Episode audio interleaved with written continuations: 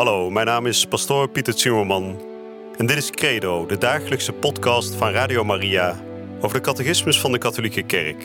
Samen dringen we elke dag een beetje dieper door in het prachtige plan van liefde dat God met elk van ons heeft. Laat je inspireren en ga met ons mee op deze avontuurlijke reis door het geloof.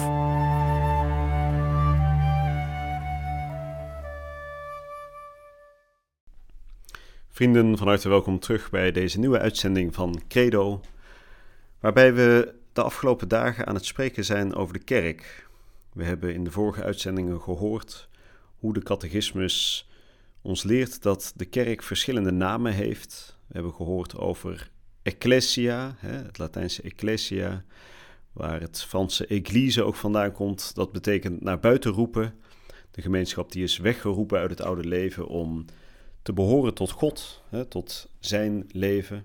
We hebben gehoord van de term Kyriake, de Griekse term waar ons woord kerk vandaan komt. En dat betekent zij die de Heer toebehoort. We hebben gehoord over de kerk als Gods akker, als zijn bouwwerk.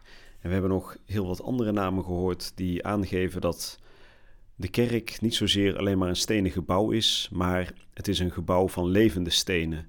Het is Gods familie die God zelf door zijn Zoon Jezus Christus rond zich heen verzamelt.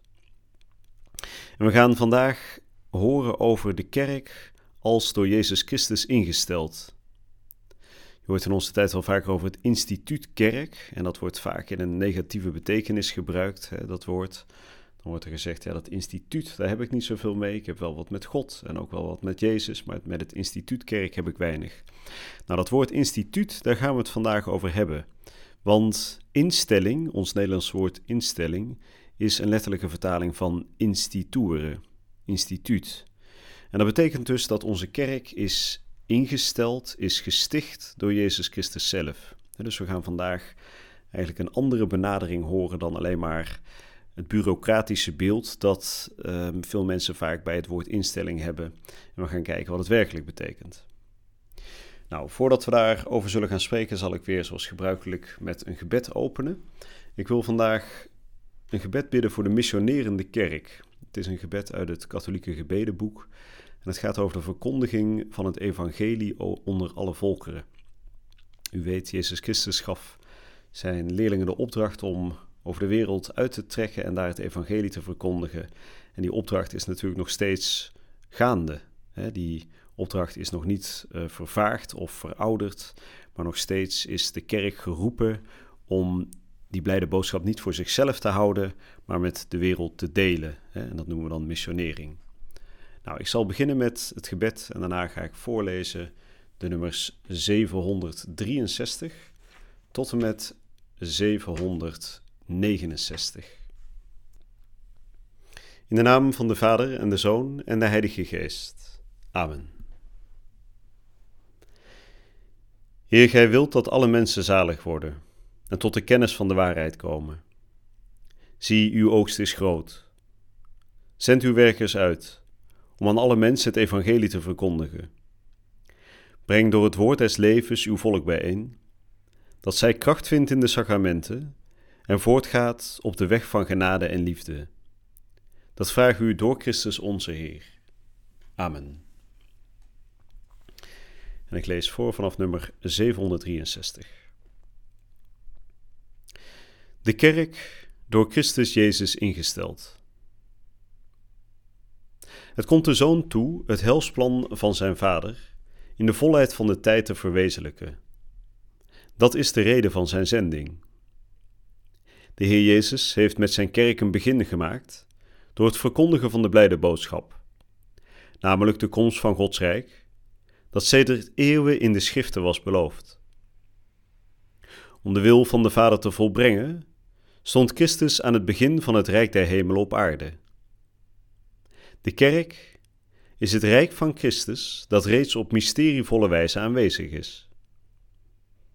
Dit koninkrijk wordt voor de mensen zichtbaar door het woord, de daden en de tegenwoordigheid van Christus. Het woord van Jezus ontvangen is het koninkrijk zelf ontvangen. De kleine kudde, bestaande uit hen die Jezus rondom zich is komen samenroepen, en van wie hij zelf de herder is, is de kiem van het begin van het koninkrijk. Zij vormen de echte familie van Jezus. Aan hen die hij zo rondom zich heeft verzameld, heeft hij een nieuwe manier van handelen, maar ook een eigen manier van bidden geleerd. De Heer Jezus heeft zijn gemeenschap een structuur geschonken, die zal blijven bestaan tot aan de volledige verwezenlijking van het koninkrijk.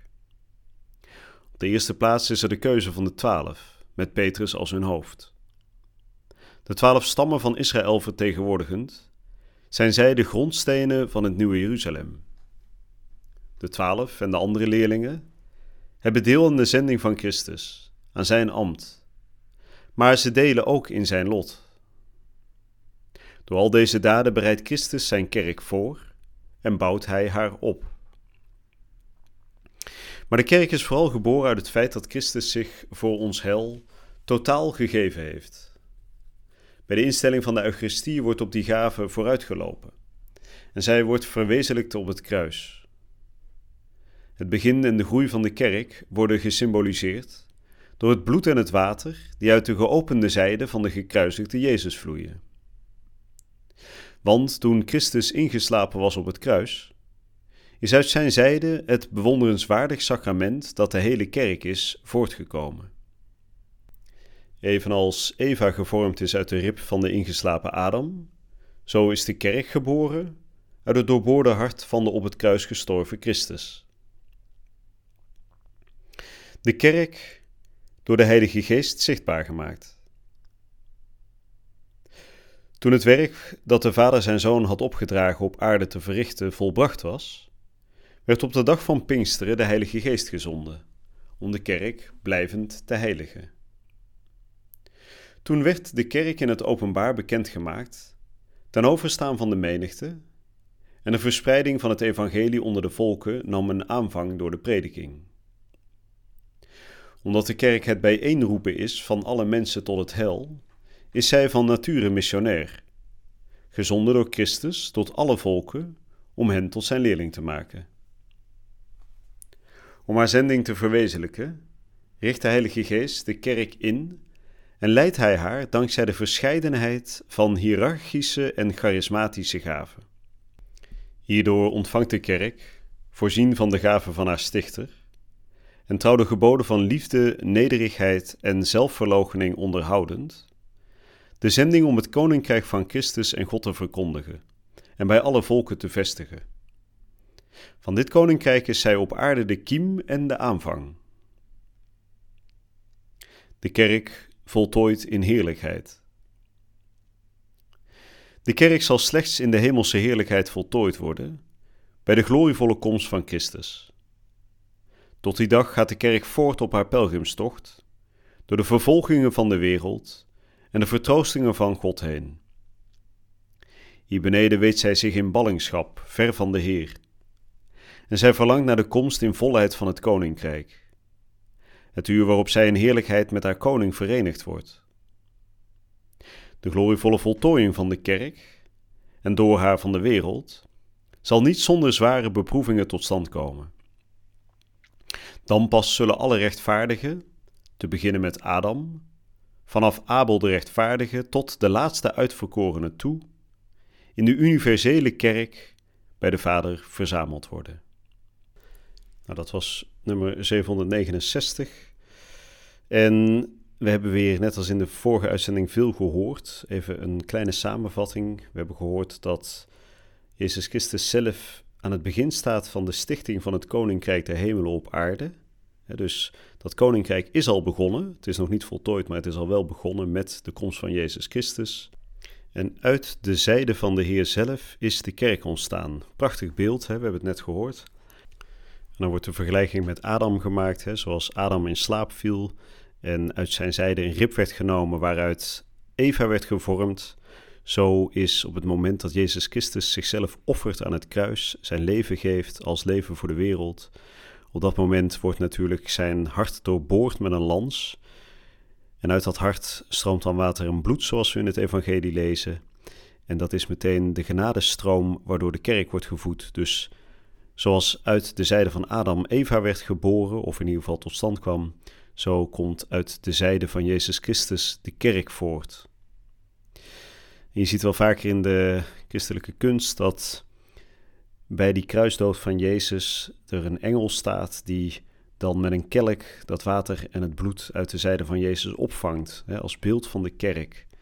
Dus de bruid die van haar bruidegom het leven ontvangt.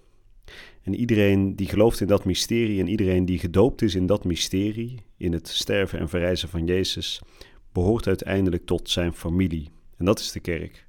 Dus de familie van Jezus Christus. Niet de bloedverwanten allereerst, maar diegenen die het woord hebben aanvaard, die de sacramenten aanvaarden, diegenen die zijn wedergeboren door Jezus Christus, door het doopsel, dat is zijn ware familie.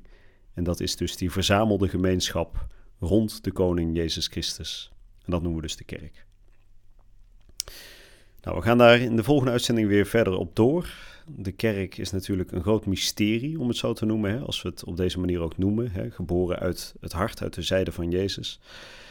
Uh, we gaan daar in de volgende uitzending nog meer over praten wat dat betekent. Dat de kerk een mysterie is, een groot geheim dat God aan de wereld schenkt. En voor nu wens ik u een hele goede en gezegende dag toe. Je luisterde naar Credo, de dagelijkse podcast van Radio Maria over de catechismus van de Katholieke Kerk. Credo is iedere werkdag te beluisteren op Radio Maria. Maar je kunt de afleveringen ook in je eigen tempo terugluisteren op onze website, in de app of op Spotify en de andere platforms. Via de website radiomaria.nl vind je dagelijks de link om de bijbehorende teksten uit de catechismus mee of terug te lezen. We zijn erg dankbaar voor alle giften die wij mogen ontvangen. Daardoor kunnen we ons goede werk blijven doen. Draag je ook bij aan deze missie?